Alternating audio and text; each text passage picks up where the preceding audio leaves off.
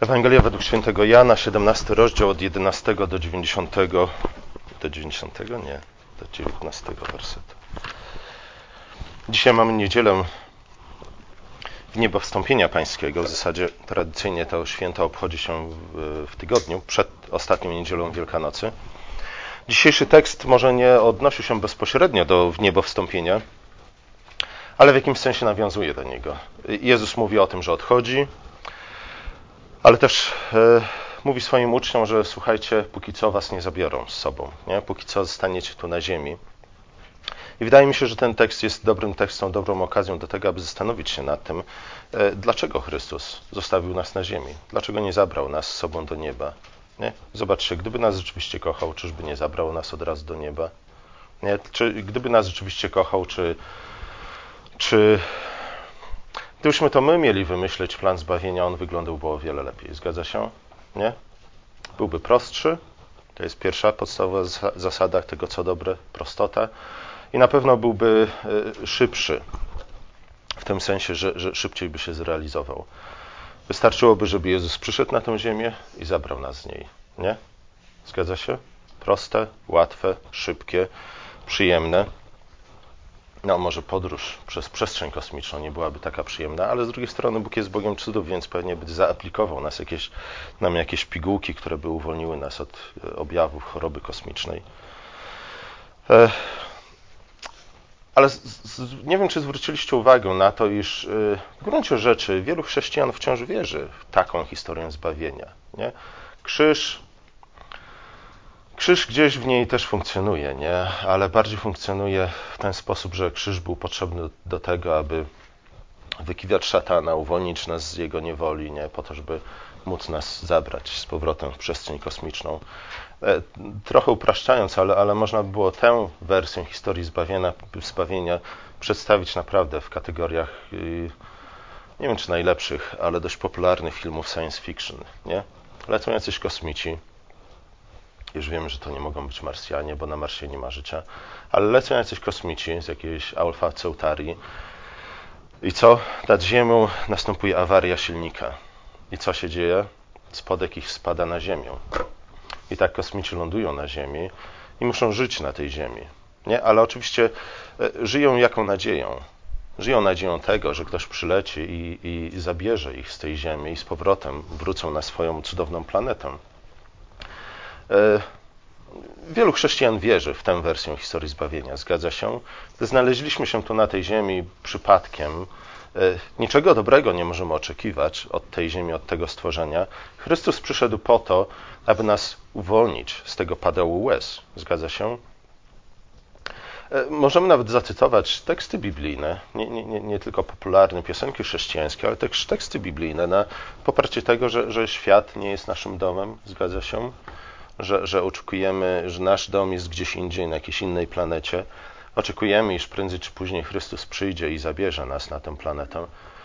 E, w kontekście tej wersji historii zbawienia, e, w gruncie rzeczy łatwo jest wytłumaczyć to, dlaczego Chrystus, gdy, gdy powrócił na swoją macierzystą planetę, e, dlaczego zostawił nas tutaj. Nie? Zostawił nas tutaj po to, abyśmy odnaleźli innych kosmitów. Zgadza się? Po to, żebyśmy zgromadzili wszystkich kosmitów e, w momencie, gdy, gdy on e, powróci na tę Ziemię już z o wiele większym statkiem kosmicznym, w o wiele większym spotku, e, po to, żeby nas zabrać stąd wszystkich. Zgadza się? Coś w rodzaju bliskie spotkanie trzeciego stopnia, nie? Tak będzie wyglądać powtórne przyjście Chrystusa. Czyż nie? Nie wiem. Może tylko ja chodziłem do takich dziwnych kościołów, gdzie oczywiście nie, nie przy pomocy tych, tych słów, ale w tych kategoriach przedstawiano historię zbawienia i przedstawiano też chrześcijańską nadzieję, to na co powinniśmy czekać. W związku z tym my, jako kosmici rozbici gdzieś na Ziemi, nie powinniśmy zbyt wiele czasu poświęcać na urządzenie się tutaj, ale, ale bo i tak prędzej czy później stąd odlecimy, ale mamy poświęcić czas, cały nasz czas, tylko i wyłącznie na odszukanie innych kosmitów. Nie wiem, czy niektórzy z Was chyba są na, na tyle starzy, żeby pamiętać Dave'a Hunta. Tak? Pamiętacie? E, był bardzo popularny na początku lat 90. Przyjechał nawet kiedyś przynajmniej raz do Polski. Wiem, bo byłem na spotkaniu z nim we Wrocławiu. W auli Leopoldina był podejmowany na Uniwersytecie Wrocławskim. Niektórzy mówią, wrocławiacy twierdzą, że najlepszym w Polsce. E, ale zobaczcie, gdy, gdy Dave Hunt przychodzi do tego tekstu, który dzisiaj e, czytaliśmy, później zresztą, w czasie procesu, gdy Piłat rozmawia z Chrystusem, padają mu podobne słowa na temat bycia z tego świata i nie bycia z tego świata. Nie? Chrystus mówi, Piłat zwraca się tam do Jezusa i mówi: Słuchaj, czyż nie wiesz, że mam władzę, aby uwolnić cię i skazać na śmierć? A Jezus mówi, że Jezus mówi mu, że, że nie miałbyś żadnej władzy, gdyby nie była ci dana, i później stwierdza, że moje królestwo nie jest z tego świata. Nie? Gdyby było z tego świata, od razu moi słudzy przyszliby tutaj, aby uwolnić mnie z Twoich rąk. Nie? W tym sensie, że moi słudzy, gdyby, gdyby moje królestwo było z tego świata, moi słudzy zachowaliby się w sposób typowy dla y, sług królów, którego, których królestwo jest z tego świata. Tu w tym fragmencie Jezus mówi o tym do swoich uczniów, zwraca się, zwracając się do swoich uczniów, mówi im, iż wy nie jesteście z tego świata, nie? jesteście z innego świata. I zobaczcie, bardzo łatwo te, te słowa interpretować w sposób podobny, jak czynił to Dave Hunt i, i, jemu, i jemu podobni ludzie. I stworzyć z chrześcijan rzeczywiście grupę kosmitów. Zgadza się? Spotkaliście chrześcijan, którzy bardziej przypominają kosmitów niż normalnych ludzi? Nie, ale widzicie, oni, oni się szczycą, szczycą tym, że, że są jak kosmici, że, że ubierają się w inny sposób, myślą w inny sposób, mówią w inny sposób, patrzą na świat w inny sposób. Patrząc na świat, na ten sam świat, widzą całkowicie inny świat, są oderwani od rzeczywistości, ale właśnie w tym ich zdaniem, na tym ich zdaniem polega istota chrześcijaństwa, nie? Na, na, na tym, aby jak najbardziej różnić się od świata, w którym żyjemy.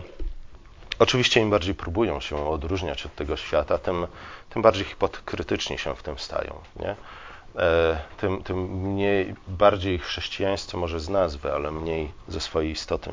Ale wróćmy do Dave'a Hunta. Jego zdaniem, zresztą, a, pojadę po bandzie, o Davidzie Wilkersonie też słyszeliście, nie? Ponoć o zmarłych nie wolno źle mówić. David Wilkerson zmarł kilka lat temu i, i, to nie jest tak, że ja chcę tych ludzi całkowicie skrytykować. No, może Dave'a Hunta tak, ale Davida Wilkersona może nie do końca, nie? bo rzeczywiście jego książka Krzyż i Sztylet także w moim życiu odegrała bardzo ważną rolę.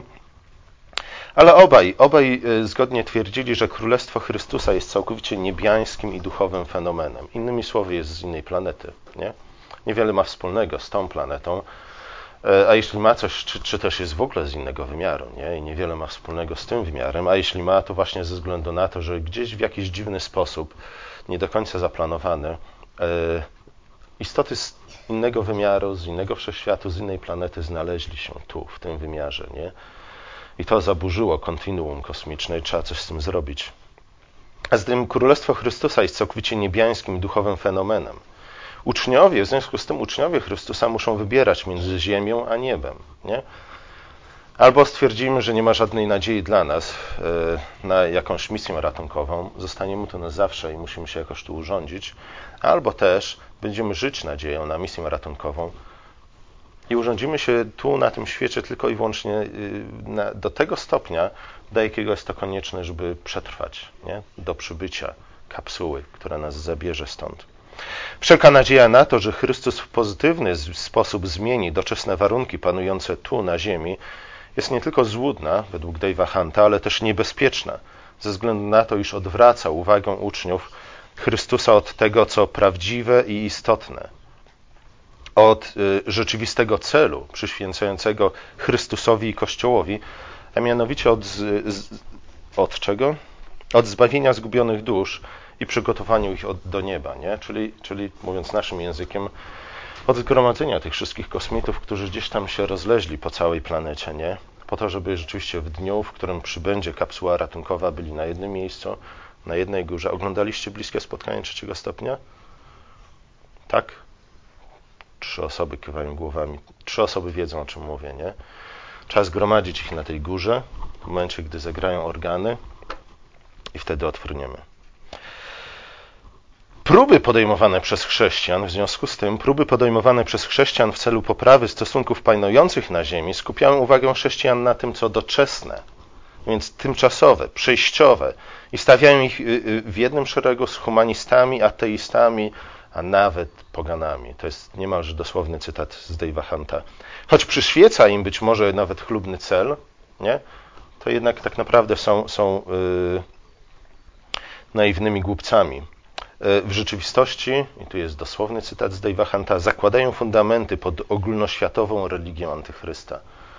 Nie? Czyli idą ręka w rękę z ONZ, Brukselą i czymś tam jeszcze. I, i z kim jeszcze? I z Billem Gatesem. E, tak to wygląda. Nie? Ale zobaczcie. E, nie mam czasu, żeby dokładnie tego omówić. E, dlatego też to moje dzisiejsze kazanie, czy wykład, jakkolwiek tego nie nazwać, będzie fragmentaryczne. Nie? Będziecie musieli sobie uzupełnić to wszystko w głowie. Dzisiaj chciałbym tylko skupić się na najważniejszych rzeczach, krytykując tego typu przedstawienie chrześcijaństwa, misji Kościoła itd. Tak itd. Tak Twierdzenie Hanta opiera się na, na y, bardzo ostrej antytezie pomiędzy niebem, niebem a ziemią. Nie? Między niebem a ziemią nie ma i nie może być żadnej zgody. Nie? Zobaczcie, nawet Hitler ze Stalinem się dogadał, nie? chociaż się potłukli, ale między niebem i ziemią nie ma żadnej zgody, nawet takiej e, udawanej, hipokrytycznej, jak między Hitlerem i Stalinem. E, ale czy rzeczywiście musimy wybierać między niebem a ziemią? Nie? Czy rzeczywiście e, to rozróżnienie, ta antyteza jest tak mocna, tak istotna, że, że e, musi ukształtować całe nasze myślenie i całe nasze życie, całą naszą nadzieję? O tym, że rozumowanie Hanta może być y, nietrafione, świadczą y, słowa z tejże samej Ewangelii według świętego Jana, nie? Bardzo często zresztą cytowane przez ludzi typu Hanta, nie? Którzy bardzo mocny, mocny nacisk kładli zawsze na, na ewangelizację. I przy każdej ewangelizacji cytowali właśnie ten, a nie inny fragment, nie dostrzegając nie? właśnie antytezy pomiędzy swoimi twierdzeniami na temat tego, że jesteśmy z innego świata i nie należymy do tego świata, a tym tekstem gdzie czytamy, że Bóg posłał swojego syna na świat. Dlaczego? Nie dlatego, że tak bardzo umiłował kosmitów zagubionych tej części wszechświata, dlatego, że, że tak bardzo umiłował świat. Nie? Świat. I później, żeby nie, nie było wątpliwości, y, Jezus stwierdza, iż Ojciec posłał Go nie po to, aby potępił świat, nie, nie po to, aby spalił ten świat w ogniu wychodzącym z dysz silników kapsuły ratunkowej, e, ale po to, żeby świat przez niego został zbawiony, czyli uratowany, innymi słowy.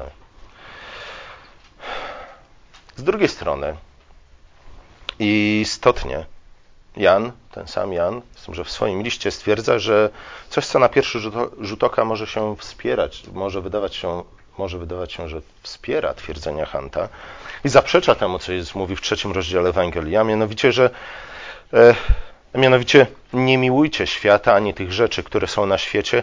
Jeśli ktoś miłuje świat, nie ma w nim miłości Ojca. Nie? A więc znów, czy świat rzeczywiście może być przedmiotem naszej miłości, czy też powinien być przedmiotem naszej, naszej nienawiści? Nad tym zastanowimy się dzisiaj, dzisiejszym, na dzisiejszym nabożeństwie.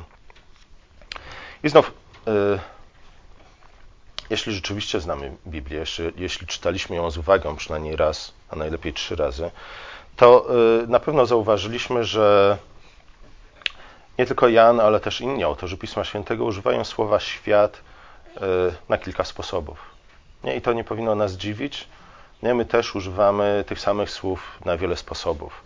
Są słowa, które po prostu posiadają wiele pokrewnych, a jednak nieco innych znaczeń. Nie powinniśmy więc z góry zakładać, że gdy autorzy Pisma Świętego używają, za każdym razem, gdy używają dokładnie tego samego słowa, mają dokładnie to samo na myśli. Nie? Wystarczy zresztą otworzyć pierwszy, lepszy słownik e, greki czy, czy języka hebrajskiego, biblijnego. Nie zobaczymy, zobaczymy że, że niektóre słowa rzeczywiście, pod niektórymi hasłami znajdujemy wiele różnych znaczeń, pokrewnych, a jednak różniących się od siebie. I rzeczywiście, gdy Jan mówi o świecie, w jakimś sensie odnosi się do tej samej rzeczywistości. Nie? Ale niemniej jednak patrzy na nią z różnych perspektyw, patrzy na nią także z różnych perspektyw czasowych i z różnych perspektyw, które moglibyśmy nazwać perspektywami soteriologicznymi. Przepraszam za używanie takich słów. Ale to też możecie sobie znaleźć, sprawdzić w internecie. Yy, I tak, rzeczywiście, nie? z jednej strony świat jest przedmiotem miłości Boga jako Stwórcy. Bóg stworzył ten świat, zgadza się? Nie? Dlatego go kocha. Bóg stworzył także tę ziemię. To nie jest tak, jak mówili jacyś tam gnostycy czy inni marcianici, że, że co, że ten świat, ta rzeczywistość, w której żyjemy, został stworzony, została stworzona przez demiurga, nie? jakiegoś takiego pośredniejszego Boga, który zbuntował się przeciwko głównemu, głównemu Bogu, najważniejszemu Bogu. Nie? I dlatego sam w sobie jest zły, bo został zrobiony przez złego Boga. To nie jest tak. To Bóg stworzył ten świat e, za każdym razem, po każdym dniu stwarzania Bóg stwierdzał, że ten świat jest dobry, a szóstego dnia powiedział nawet, że jest bardzo dobry. I szóstego dnia też stworzył człowieka i powiedział do człowieka: Słuchaj, człowiecze, zwracał się do Adama i Ewy i powiedział: Słuchajcie, rozmnażajcie się, napełniajcie ten świat, czyńcie go sobie poddanym. In, innymi słowy, słuchajcie, ten świat, który ja uczyniłem bardzo dobrym, wy możecie uczynić jeszcze lepszym. Nie? Dlatego was stworzyłem na, na mój obraz, na moje podobieństwo, po to, abyście wzrastali, dojrzewali, dojrzewali nie tylko w poznaniu mnie, ale także dojrzewali w poznaniu tego świata, prowadzili badania wszelkiego rodzaju e, na tym świecie po to, aby znów kontynuować dzieło, które ja rozpocząłem. I nie przypominam sobie, żeby Bóg w którymkolwiek momencie odwołał to zadanie, nie? to pierwsze zadanie, którym, nas obarczył. Nie? Wciąż ten świat ma być przedmiotem naszej uwagi, naszej pracy. Wciąż możemy i powinniśmy, to tym bardziej jest możliwe teraz, gdy jesteśmy w Chrystusie, przemieniać go z chwały w chwałę. Z drugiej strony, Jan pisze o świecie w sposób negatywny. Nie, nie raz, nie dwa, wielokrotnie ale w tym momencie, gdy mówi o świecie w sposób negatywny, ma na myśli świat dotknięty przez grzech, nie? świat zepsuty przez zbuntowanego człowieka, a w szczególności, tu muszę wyłączyć nagrywanie, bo powiem coś złego, a w szczególności e, o świecie, a w szczególności o Żydach odrzucających Chrystusa. Nie? Gdybyśmy prześledzili Ewangelię Jana, listy Jana, zauważylibyśmy, że, że gdy gdy Paweł mówi, gdy Jan mówi o, o, o świecie w sposób negatywny, ma w pierwszej kolejności na myśli Żydów, którzy odrzucili Chrystusa. Oni zbuntowali się przeciwko Chrystusowi i dlatego są, wybaczcie za te słowa, źli, zepsuci. Nie? Oni sprzeciwiają się planom Bożym. Oni chcą, żeby świat już na zawsze pozostał w grzechu. Nie? Do tego to się sprowadza. Może nie robią tego świadomie, może wprost nigdy by tego nie powiedzieli, a jednak do tego zmierzają ich działania.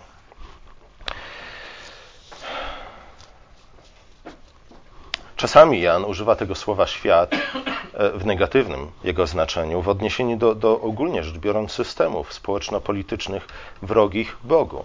I zobaczcie, te systemy społeczno-polityczne, powinniśmy dodać chyba też gospodarcze, wrogie Bogu pojawiły się bardzo szybko, zaraz na samym początku po upadku. Zgadza się?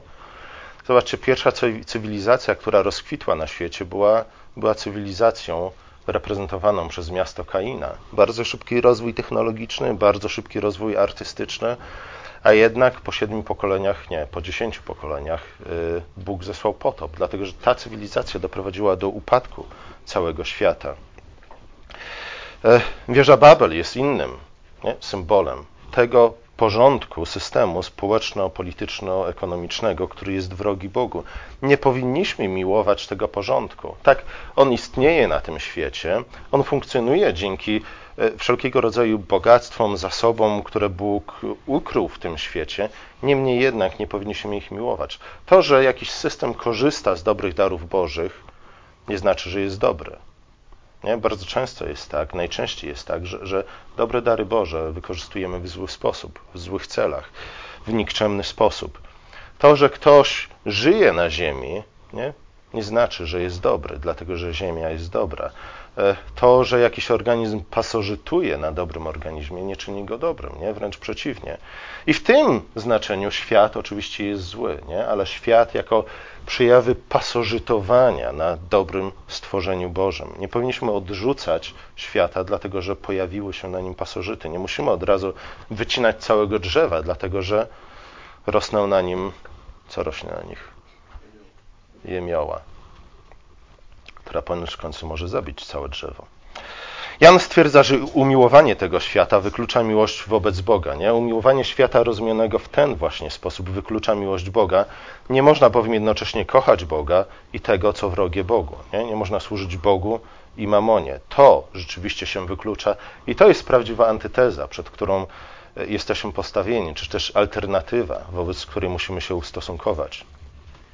Jan uzasadnia to twierdzenie następująco, bo wszystko, co jest na świecie, porządliwość ciała, porządliwość oczu, pycha życia, nie jest z Ojca, ale ze świata. Nie? To są rzeczy, które niszczą ten świat, to są rzeczy, które sprawiają, iż dobre dary Boże stają się rzeczywiście źródłem i zarzewiem zła. Drzew... Przepraszam. Jan wydaje się tu nawiązywać do właśnie historii upadku, nie? mówiąc zwłaszcza o porządliwości oczu i o porządliwości ciała.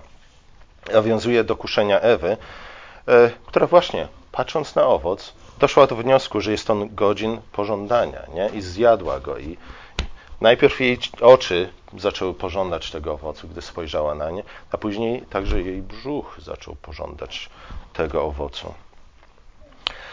E, i rzeczywiście, ale zobaczcie, nie? Tu, tu sprawy się trochę komplikują. E, czy owoc był godny pożądania? No oczywiście, że był godny pożądania. Nie? W, końcu, w końcu owoc z drzewa poznania dobra i zła jest symbolem władzy nad światem, którą Bóg obiecał dać Adamowi i Ewie. Nie? Powiedział, panujcie nad całym światem, czyńcie go sobie poddanym.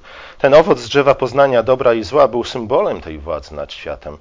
E, na czym więc polegał problem? Na tym, że Ewa chwyciła o ten, e, chwyciła ten owoc e, w złym czasie, w zły sposób, wbrew woli Boga. Ja nie będę rozwijał tego tematu. Wiele na ten temat mówiłem już w przeszłości, ale wydaje mi się, że rzeczywiście Bóg, Bóg chciał, aby człowiek był na tyle dojrzały, by chwytając po władzę nad światem, był w stanie napełnić świat e, poznaniem Boga Jego chwałą. Nie? Przedwczesne chwycenie za władzę E, doprowadziła do właśnie tych wszystkich złych skutków, o których czytamy w następnych rozdziałach Pisma Świętego. Dlatego też Salomon w Księdze Kaznodziei mówi o tym, że, że jednym z największych nieszczęść, jakie może spotkać jakiekolwiek państwo jest co? Gdy królem zostaje chłopiec, nie? Albo też człowiek dorosły, ale o mentalności dziecka. O mentalności dziecka. Chcecie wycieczkę polityczną? Wycieczkę helikopterem? Chcecie? Oglądacie telewizję, wiem. E, cieszymy się. Nie? Cieszymy się, czy jest ku temu powód, czy nie jest powód. Cieszymy się samą zabawą. W każdym razie nie ma czasu. Nie ma czasu na zajmowanie się tą rzeczywistością polityczną, w której żyjemy. Ona jest zła, powinniśmy się odciąć od niej. W każdym razie zobaczcie, nie? Bóg, Bóg gdy stworzył człowieka, wyraźnie mu powiedział, uczyńmy człowieka na obraz nasz po, podobnego do nas. Nie? Te dwie cechy, które nas charakteryzują od samego początku. Dlaczego człowiek ma być podobny do, czy też ma, był stworzony na obraz Boga i ma wzrastać na podobieństwo Boga? Po to, aby panował nad Bożym stworzeniem w sposób dobry, w sposób pobożny. Rozradzajcie się, rozmnażajcie i napełniajcie ziemię i czyńcie ją sobie poddaną, mówi Bóg. A jednak Adam i Ewa sięgnęli po ten owoc, owoc, który był symbolem władzy nad światem przedwcześnie, gdy nie byli jeszcze gotowi do jej sprawowania, przez co zepsuli świat, napełnili go grzechem i złem, zamiast napełnić go poznaniem i chwałą Stwórcy. Zachowali się jak dziecko, które próbuje prowadzić samochód bez odpowiednich kompetencji i w związku z tym co robi? Bum. Słuchajcie, dzieci, chciałybyście pojeździć samochodem? Już dzisiaj, po południu, ładna pogoda. Które z Was chciałby usiąść za kierownicą samochodu? Co? Nie bójcie się. Może ta. Co? Może tatki wam pozwolą dzisiaj. Nie, zobaczcie, nie ma nic złego. Nie, ja bym powiedział, że jest, jest wręcz coś dziwnego, jeśli przynajmniej chłopiec nigdy nie marzy o tym, żeby zasiąść za czym? Za kierownicą Deutico, nie? E? Matis. Nie. I jest to jak najbardziej dobre, pożądane, zdrowe pragnienie. Zgadza się? Zgadza się? Ale wybaczcie, chłopacy, nie pozwolimy wam wyjechać na trasę katowicką dzisiaj teraz, nie? Potrzebujecie jeszcze trochę dorosnąć. Wasze nóżki i rączki muszą trochę urosnąć, was mózg się musi trochę bardziej pofałdować, nie? Żebyście byli gotowi do tego, aby zasiąść rzeczywiście za, za kierownicą samochodu. Także pragnienie jest dobre, nie? Ale widzicie, bardzo często Pismo mówi nam o tym, iż mądrość polega między innymi na znajomości odpowiedniego czasu. Wszystko ma swój czas. Jeśli nie jesteśmy w stanie rozpoznać właściwego czasu, to ta sama rzecz dzisiaj może być zła, a jutro dobra. Nie? I, I, gdy brakuje nam dojrzałości, jesteśmy w tym momencie całkowicie zdziwieni, zbity z tropu i nie wiemy, ale co się stało? Nie? Wczoraj to funkcjonowało, a dzisiaj już nie. Wczoraj było to dobre, dlaczego dzisiaj zrodziło to złe skutki? Morał z tej historii jest taki, że nie trzeba pragnąć zła, aby je uczynić. Nie? Bardzo często y, czynimy zło, pragnąc rzeczy dobrych. Wystarczy pragnąć dobrej, dobrej rzeczy w zły sposób, aby spowodować nieszczęście. Adam, Adam i Ewa pragnęli, zapragnęli tego, co im Bóg obiecał. Znów, kiedy następnym razem będziecie czytać tę historię, zwróćcie uwagę na to, nie? Że, że nawet wąż, gdy przychodzi do, do Ewy i rozmawia z nią, powołuje się wielokrotnie na obietnicę Bożej, próbując ją przekonać, słuchaj, nie, to do czego ja chcę Cię namówić jest, jest tym, co Bóg Ci obiecał. W ten sposób działa kuszenie. W ten sposób w naszym życiu bardzo często działa kuszenie. Diabeł, zwłaszcza do nas, chrześcijan, nie przychodzi w ten sposób i mówi, słuchaj, nie, przeklnij Chrystusa, podepcz krzyż, nie, napluj na ikonę. E, nie, dlatego, że od razu byśmy powiedzieli, to jest absurdalne, nie? to nie ma sensu. Nie wiem, czy czytaliście, a bo nie, już nie będę o tym mówił. Przychodzi do nas w wiele bardziej subtelny sposób, nie? Namawia nas do tego, abyśmy przedwcześnie albo w zły sposób chwycili za to, co Bóg nam obiecał. W podobny sposób możemy zepsuć każdy dobry dar Boga, a gdy to uczynimy, znów, nie? jest to wyraz pogardy dla Boga. Pogardy w tym sensie, że, że każde nieposłuszeństwo y, dziecka wobec rodzica jest wyrazem pogardy, braku szacunku. E, czasami jest wręcz wyrazem buntu wobec Słowa Bożego, które określa to, w, jaki, w jakim celu, w jaki sposób mamy korzystać z dobrych darów Bożych. A zatem świat sam w sobie nie jest zły. Gdy Bóg stworzył świat, szóstego dnia powiedział, że jest bardzo dobry. Powiedział też, że człowiek może nie? i ma uczynić go jeszcze lepszym miejscem. Jednak kiedy człowiek zbuntował się przeciwko Bogu, jednocześnie odciął się od źródła mądrości, która umożliwiłaby mu to zadanie. Nie? To jest tak, jak ktoś kupił sobie pierwszy komputer. Tak? Każdy z nas kiedyś miał pierwszy komputer, zgadza się? I to jest tak, jakby ktoś kupując pierwszy komputer, po, powiedzmy, że Tomek sprzedał mi komputer, pierwszy komputer w moim życiu, nie? E, wszystko fajnie działa. Tomek tam zainstalował co trzeba, też co nie trzeba. E, wszystko fajnie śmiga, ale, ale po jakimś czasie coś tam się dzieje, nie? albo ja nacisnąłem to, co nie trzeba, albo w nie takiej kolejności. Już nie funkcjonuje ta maszyna tak, jak powinna. Nie? I, I teraz ja, albo inaczej, nie? to jest zły przykład wszystko fajnie działa, ale ja chciałbym, żeby to działało jeszcze lepiej, lepiej nie? Tomek powiedział, że to jest najlepszy komputer, jacy ludzie kiedykolwiek wyprodukowali i przy jego pomocy będę w stanie zrobić rzeczy niewyobrażalne, nie? które zadziwią cały świat. Ja pierwszego, drugiego, może trzeciego dnia, gdy pobawiłem się trochę tym, tym komputerem, ociupinkę poznałem jego możliwości, zaczynam eksperymentować, nie? Ale już nie konsultuję się z Tomkiem, nie dzwonię do Tomka, nie mówię, Tomek, jak zrobić to, jak zrobić tamto, nie, jak zrobić tamto i owamto. E, I mówię, mam komputer, do czego mi potrzebny jest Tomek, nie? No i oczywiście skutek jest taki, że, że za tydzień czy za dwa tygodnie komputer w ogóle przestaje działać, nie? albo staje się, się osłem, albo jakimś innym mułem, e, który już nie spełnia swojego zadania. I mówię, o, głupi komputer. Mieliście takie doświadczenie? Ale kto jest głupi w tej historii?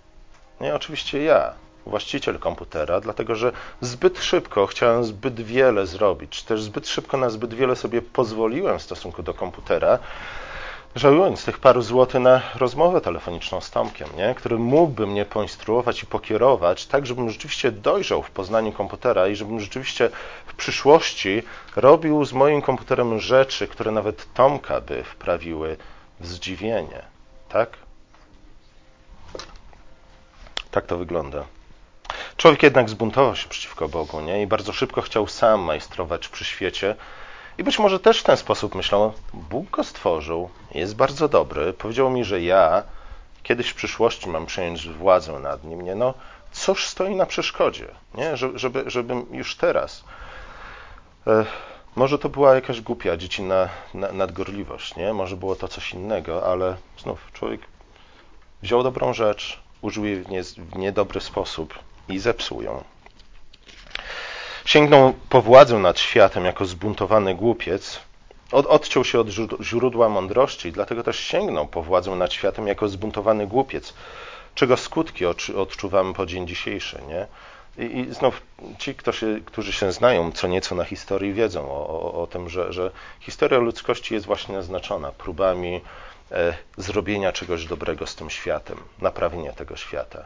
Nie, to nie jest tak, że ludzie grzeszni chcą tylko i wyłącznie go zniszczyć. Nie? Bardzo często próbują go naprawić. Ale historia uczy nas też tego, że, że każda próba zbudowania, stworzenia utopii na świecie prowadzi do czego?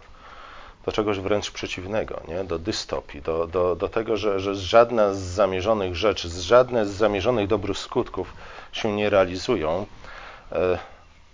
Wręcz przeciwnie, nie? pomnażamy to, czemu, czemu próbowaliśmy przeciwstawić się, czy też przeciwdziałać. Bóg chce, abyśmy kochali ten świat. To jest Jego stworzenie.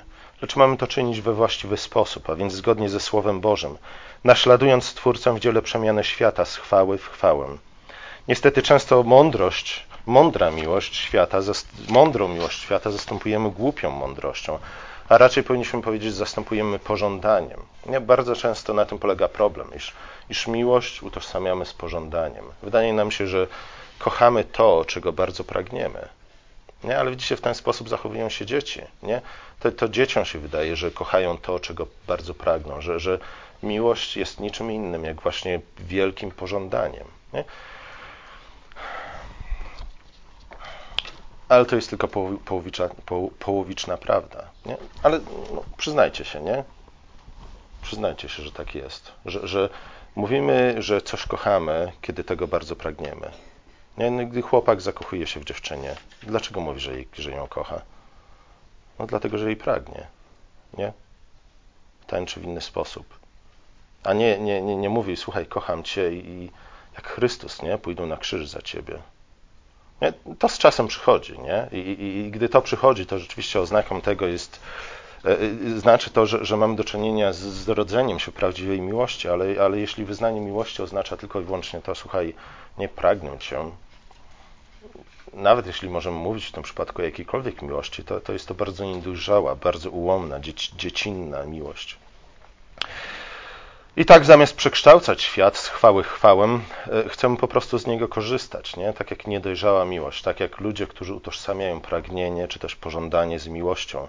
Chcemy, chcemy skorzystać z tego świata, chcemy czerpać z niego przyjemności. I tak zamiast być producentami, zamiast być tymi, którzy przemieniają świat z chwały w chwałę, pomnażają jego chwałę, stają się konsumentami albo może wręcz w ogóle jakimiś rabusiami, którzy żerują jak pasożyty na tym świecie, na tym dobrym stworzeniu Bożym, e, oczywiście wyczerpując jego zasoby, zużywając jego energię i później patrzymy po jakimś czasie na ten świat i on już nam się nie podoba tak bardzo jak na początku. Budujemy wielkie, piękne miasta, a za parę lat okazuje się, że tęg zaczyna odpadać, nie? I zaczynamy, zaczynamy negować sens budowania jakichkolwiek miast. E, często oskarża się chrześcijan o, o właśnie taką pasożytniczą eksploatację środowiska naturalnego, ale zobaczcie, to z prawdziwym chrześcijaństwem nie ma nic wspólnego. To często się pojawia, gdy miłość świata utożsamimy z pożądaniem świata. Nie? Wtedy zaczyna się eksploatacja, pasożytnicza eksploatacja świata. E, ale to nie ma wiele wspólnego z prawdziwym chrześcijaństwem. Dobry chrześcijanin wierzy, że prawdziwa miłość świata musi być troską o świat, połączoną z pracą dla jego rozwoju na chwałę Stwórcy, a więc zgodną z jego wolą. E, to można by przyrównać do, do, do, tego, co chyba coraz częściej widzimy nie? w przypadku macierzyństwa. Dlaczego kobiety rodzą dzieci? Nie? Rodzą, rodzą, rodzą dzieci bardzo często, coraz częściej Nie dlatego, że, że kochają dzieci, nie? kochają dzieci w dojrzały sposób. Nie dlatego, że chcą napełnić świat pobożnym potomstwem, ale dlatego znów, nie? że chcą zaspokoić jakąś swoją własną potrzebę. Nie? Potrzebę macierzyństwa, która prędzej czy później y, budzi się w każdej kobiecie, zwłaszcza wtedy, nie, gdy może przez 5 minut, ale nie dłużej, potrzymać na rękach jakiegoś bobasa, który akurat ładnie pachnie, nie? bo ma świeżo zmienioną pieluchę. Nie?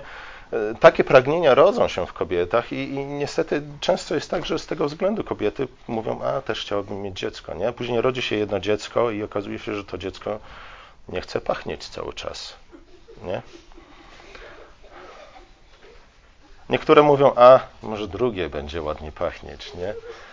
Ale większość stwierdza, e, eksperyment jakiś niechybiony, nie?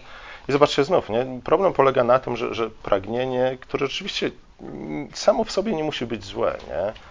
utożsamiamy jednak z prawdziwą miłością. Nie? I w tym momencie oceniamy świat, oceniamy rzeczy, oceniamy innych ludzi na podstawie tego, czy nam się podobają, nie? czy wzbudzają w nas pozytywne emocje, czy też wnoszą do naszego życia jednak trud, znój, pot i tak dalej z czym prawdziwa dojrzała miłość jest w stanie sobie poradzić. Nie? Prawdziwa dojrzała, dojrzała miłość, te, ten cały trud, brud, znój, pot, krew itd., tak itd., tak traktuje jako okazję do tego, żeby stworzyć coś jeszcze lepszego. Nie? Ale miłość niedojrzała, miłość, która jest utożsamiona z pragnieniem czy też pożądaniem, nie? Od, odwraca się od razu od tych rzeczy i rezygnuje.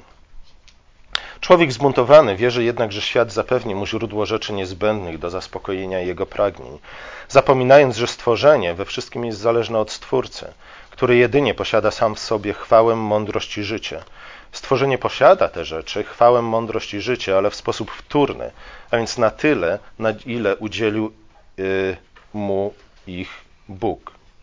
Taka postawa z kolei prowadzi do, do, rzeczywiście do degradacji świata, ponieważ z jednej strony eksploatuje jego zasoby, nie, nie jesteśmy w stanie żyć nie eksploatując zasobów naturalnych, ale z drugiej strony zbuntowany człowiek odcina świat od Boga, który jako jedyny może mu pomóc, nie? który jako jedyny jest w stanie pomnożyć te zasoby, które my zużywamy, żyjąc w tym świecie. Nie?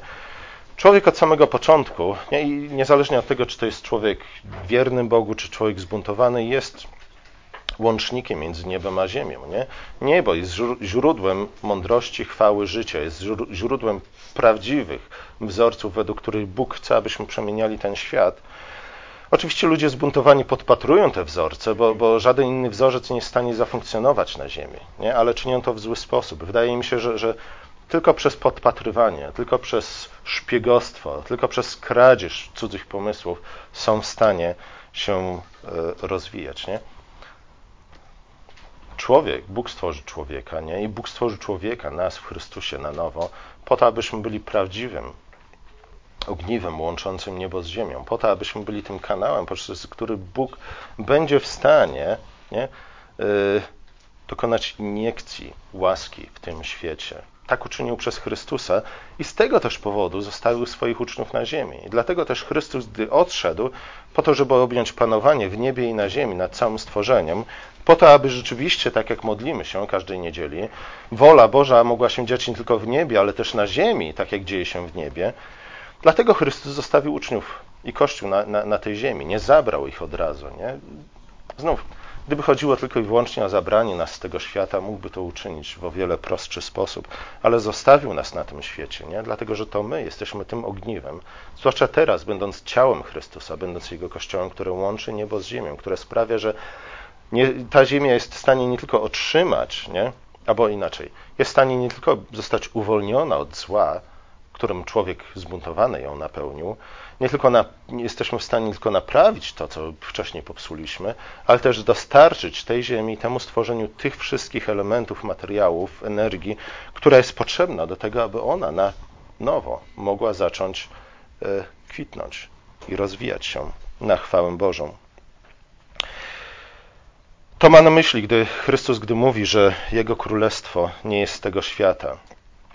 To znaczy, że Oczywiście nie ten świat jest źródłem jego panowania, jego autorytetu, nie ze stworzonego porządku Chrystus czerpie swoją władzę. E, nie świat wyznacza standardy jego panowania i postępowania, ani też cele, ku którym, ku którym dąży. Podobnie ma być z jego uczniami. Nie? Tak, mamy być ludźmi w gruncie rzeczy zezowatymi. Nie? Jedno oko gdzieś tam do góry, na niebo, a drugie oko tu na, na ziemi musi być skierowane. Z jednej strony jesteśmy ludźmi, którzy zostali odrodzeni z góry. O tym mówi Jezus w rozmowie Nikodemem. Nie? Odrodzenie z góry, a więc znów to z góry, z niebo. Przyszło to, co sprawiło, że staliśmy się nowym stworzeniem. I którzy pragną tego, co w górze, nie? ale nie w tym sensie, że o, w Ameryce jest fajnie, nie? Pojedźmy wszyscy do Ameryki. Nie? W Ameryce nasza postawa powinna być inna, nie? O, w Ameryce jest fajnie, nie? Zróbmy sobie Amerykę tutaj. Wiem, że to jest chybiony przykład, nie? No ale tak mniej więcej to powinno funkcjonować, nie? Chrześcijaństwo jest w tym sensie chybione, nie? Że patrząc na nie łatwo jest stwierdzić, e, no, piękne, ale nieprawdziwe. E, pragniemy tego, co w górze, nie? Ale pragniemy tego, co w górze właśnie w ten sposób, nie? Chcemy, by ten niebiański porządek rzeczy wpływał i kształtował to, co w dole, to, co na ziemi, a więc a więc tę rzeczywistość, w której żyjemy. Nie?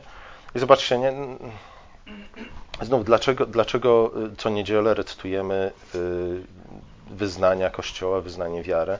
Po to, aby nam przypomnieć, nie? czego ma, mamy oczekiwać też od przyszłości.